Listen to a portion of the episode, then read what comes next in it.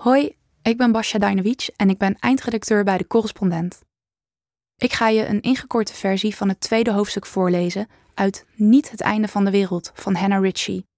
Dit boek verschijnt op 23 januari bij uitgeverij Balans. Deze vertaling uit het Engels is gedaan door Willem en Kathleen van Pasen. Oké, daar gaan we. Jarenlang stond Beijing bijna bovenaan de lijst met meest vervuilde steden ter wereld. Het was het schoolvoorbeeld geworden van wereldwijde luchtverontreiniging, vooral in de westerse media. De vervuiling werd zo erg dat het een airpocalypse werd genoemd. Tussen 2013 en 2020 nam het verontreinigingsniveau in Beijing met 55% af.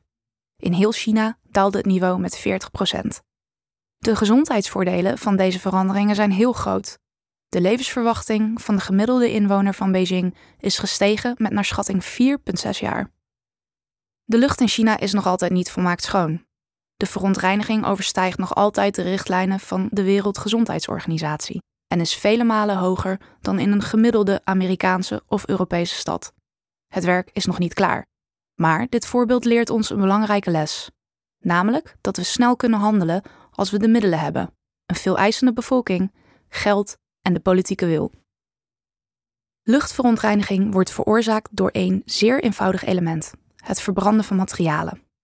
Als we materialen verbranden, of het nu hout, gewassen, kolen of olie is, genereren we tegelijkertijd kleine ongewenste deeltjes. Dit is de wortel van het probleem en de sleutel voor de oplossing daarvan.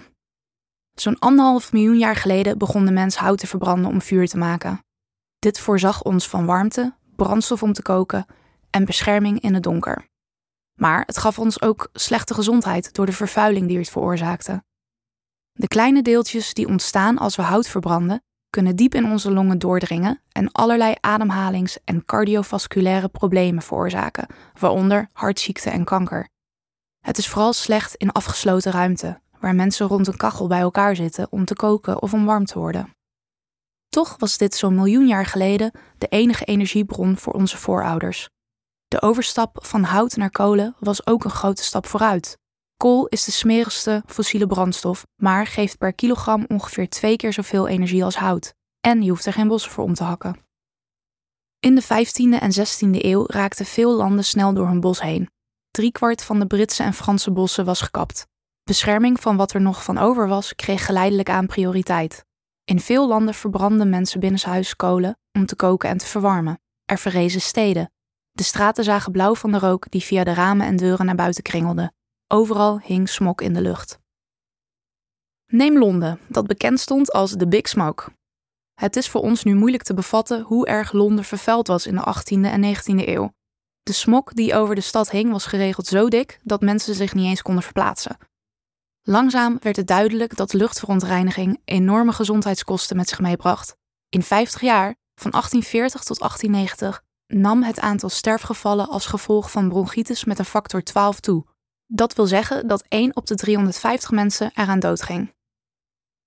Tegenwoordig staat Delhi vaak bovenaan de ranglijsten van meest vervuilde steden ter wereld. Maar als 18e of 19e eeuws Londen kon meedingen, zou dat gegarandeerd deze titel winnen, gebaseerd op de hoeveelheid zwevende deeltjes in de lucht. Vieze lucht is nog steeds een van de grootste moordenaars ter wereld. Maar de lucht die ik als kind inademde was veel schoner dan mijn ouders in hun jeugd ooit hadden gekend. En nog veel schoner dan de lucht die mijn grootouders inademden. We ademen lucht in die schoner is dan deze in de eeuwen is geweest. Dit succesverhaal vertellen we zelden. Niet alleen in het Verenigd Koninkrijk is de uitstoot van zwaveldioxide gedaald. Emissies van lokale luchtvervuilers zijn nog maar een fractie van wat ze vroeger waren. De hoeveelheid lachgas is met 76% ten opzichte van de piek gedaald. Roet is met 94% afgenomen. Vluchtige organische stoffen zijn met 90% afgenomen. Het Verenigd Koninkrijk is geen uitzondering. Hetzelfde verhaal geldt voor de meest rijke landen ter wereld. De reducties in de Verenigde Staten, Canada, Frankrijk en Duitsland zijn net zo indrukwekkend geweest. Ingrijpen op milieugebied wordt vaak voorgesteld als nadelig voor de economie. Het is of klimaatactie of economische groei. Vervuiling versus de markt. Dat is gewoon niet waar. Landen hebben luchtverontreiniging drastisch verlaagd en tegelijkertijd hun economie laten groeien. Landen ontwikkelen zich volgens een voorspelbaar pad. Een land in armoede geeft een hogere prioriteit aan energie dan aan voorkomen van vervuiling. Het verbrandt kolen, olie en gas zonder strenge restricties hoe schoon het moet zijn. De verontreiniging neemt al maar toe doordat meer mensen elektriciteit en auto's krijgen en zich kunnen veroorloven hun woning te verwarmen of te koelen. Het land komt in een industriële hoogconjunctuur. Mensen hebben meer geld en het leven wordt beter. De vervuiling is niet aangenaam, maar lijkt het wel waar te zijn. Uiteindelijk bereikt het land een omslagpunt in zijn weg naar welvaart. Als het leven eenmaal comfortabel is, maken meer mensen zich druk om hun leefomgeving. Prioriteiten verschuiven en ze accepteren geen vieze lucht meer. Ook overheden moeten hun beleid veranderen. Ze worden gedwongen actie te ondernemen en de luchtverontreiniging aan te pakken. De luchtverontreinigingscurve bereikt zijn piek en begint te dalen. Hoewel in veel landen luchtverontreiniging afneemt, is ze nog altijd een van de grootste moordenaars ter wereld. Ze verhoogt de kans op luchtwegenaandoeningen, beroertes, hart- en vaatziekten en longkanker. Volgens inschattingen van de Wereldgezondheidsorganisatie overlijden er jaarlijks 8 miljoen mensen aan luchtverontreiniging. 4,2 miljoen als gevolg van luchtverontreiniging buiten en 3,8 miljoen als gevolg van luchtverontreiniging binnenshuis door hout- en houtskoolverbranding. Volgens sommige wetenschappers zou dit aantal zelfs nog hoger kunnen liggen. Enkele van de recentste en meest geciteerde studies schatten dat tenminste 9 miljoen mensen per jaar overlijden door de lucht die ze inademen. Om deze getallen in een context te plaatsen, dit is vergelijkbaar met het aantal sterfgevallen als gevolg van roken, omstreeks 8 miljoen. Het is zes of zeven keer hoger dan het aantal mensen dat omkomt bij verkeersongevallen, 1,2 miljoen. 80 keer meer dan het aantal mensen dat jaarlijks overlijdt als gevolg van terrorisme en oorlog.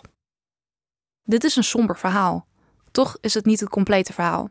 Het kan zijn, het is zelfs waarschijnlijk, dat we de piek in verontreinigingsdoden naderen.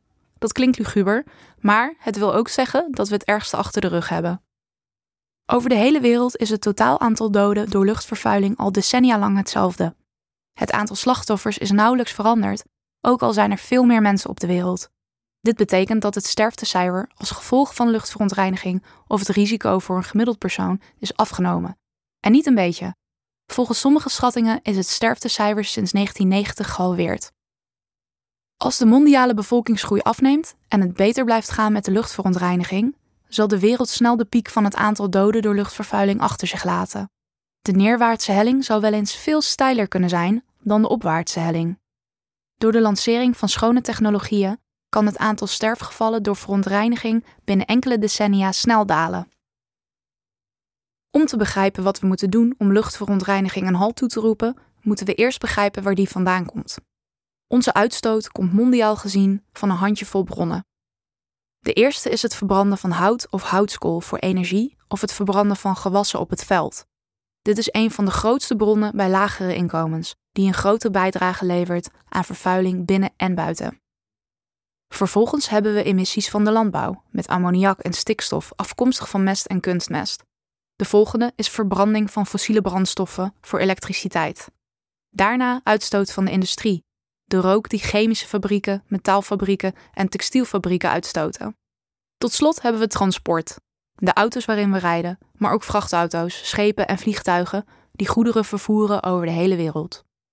Om te zorgen dat luchtverontreiniging overal tot nul wordt gereduceerd, moeten we deze bronnen één voor één uitschakelen. En wel zo.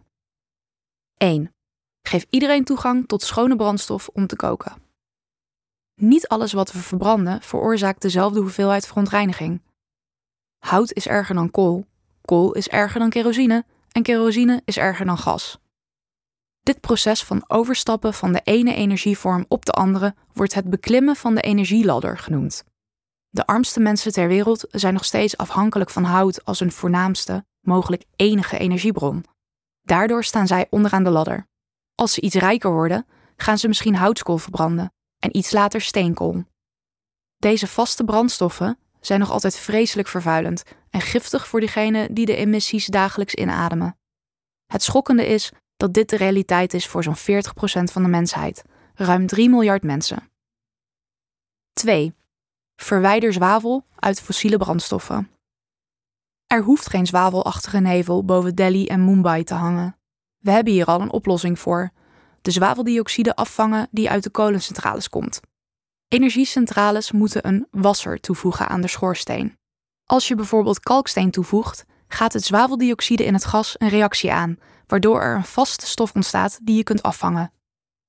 Wassers kunnen minstens 90% van het zwaveldioxide verwijderen, wat verklaart dat de luchtverontreiniging in veel landen de afgelopen 50 jaar sterk is afgenomen. Een energiecentrale met deze technologie is duurder dan een zonder. Daarom hebben alle rijke landen die en arme landen niet. Maar net zoals we bij China zagen, zullen die stuk voor stuk een omslagpunt bereiken. Wanneer dat gebeurt, liggen de oplossingen klaar. 3. Kies de schoonste auto. Als het om diesel tegenover benzine gaat, is het verschil vaak niet groot. De leeftijd van de auto speelt een grotere rol. Moderne benzine- en dieselauto's zijn veel schoner dan hun voorlopers. Emissienormen zijn strenger geworden en de filtertechnologie is sterk verbeterd. Maar auto's die rijden op fossiele brandstof zijn op weg naar de uitgang. Elektrische auto's en een leven zonder auto's beleven een opmars. We zouden de oude technologie snel moeten afdanken en die overstap zo snel mogelijk moeten maken. Dat zal jaarlijks honderdduizenden levens redden. 4. Rijd minder. Fiets, wandel en gebruik openbaar vervoer. We kunnen erover discussiëren welk soort auto de minste vervuiling veroorzaakt, maar dit gaat voorbij aan de oplossing die ze allemaal overtreft. Als het te doen voor je is, laat je auto dan staan. Lopen of fietsen is een van de beste manieren waarop individuen luchtverontreiniging en klimaatverandering kunnen verminderen. We zouden ambitieuzer moeten zijn als het gaat om hoe onze steden, dorpen en vervoerssystemen in 2040 of 2050 voor ons zien. Die kunnen ingericht worden met het oog op voetgangers en fietsers in plaats van auto's. 5. Ruil fossiele brandstoffen in tegen duurzame energiebronnen en kernenergie. Op welke energiebronnen moeten we overstappen als we afstand doen van fossiele brandstoffen? Er heerst binnen de milieubeweging een intense rivaliteit tussen twee kampen: pro-nucleaire en pro-duurzame energie. De strijd tussen deze stammen is verrassend fel, maar ook frustrerend en contraproductief. Kernenergie en duurzame bronnen zoals zonne-energie, waterkracht en wind hebben allemaal een lage koolstofemissie. Omdat we energie en materialen nodig hebben om de panelen en turbines te bouwen, stoten ze niet nul CO2 uit. Vergeleken met fossiele brandstoffen stoten ze echter heel weinig uit. De overstap van fossiele brandstoffen naar een van deze bronnen is overduidelijk een zegen voor het klimaat. Er zijn heel veel gemotiveerde en nadenkende mensen die het beste voor hebben met het milieu. Ze denken na over de milieu-impact van bijna elk besluit dat ze nemen. Maar er zijn twee problemen waarover mensen zich iets meer druk zouden moeten maken. Luchtverontreiniging is daar één van, de andere is afnemende biodiversiteit. We maken ons veel zorgen om klimaatverandering en om het feit dat deze in de toekomst veel mensen het leven kan kosten. Luchtverontreiniging kost nu al jaarlijks miljoenen mensen het leven. Als we nu stoppen met fossiele brandstoffen, zou dat onmiddellijk impact hebben. Hiermee redden we levens en mensen in zwaar verontreinigde steden zoals Delhi, Lahore of Dhaka merken onmiddellijk het verschil. Ze zouden weer kunnen ademhalen. Als we sterftecijfers willen terugdringen, is luchtverontreiniging aanpakken een van de effectiefste manieren. Daar zouden we veel meer over moeten nadenken. Dit verhaal heb je gratis kunnen luisteren, net als honderden andere audioverhalen van het afgelopen jaar. Maar het maken van dit soort verhalen is niet gratis. Ze worden mogelijk gemaakt door onze betalende leden. Ga daarom naar decorrespondent.nl en word lid. Want onafhankelijke journalistiek is afhankelijk van jou.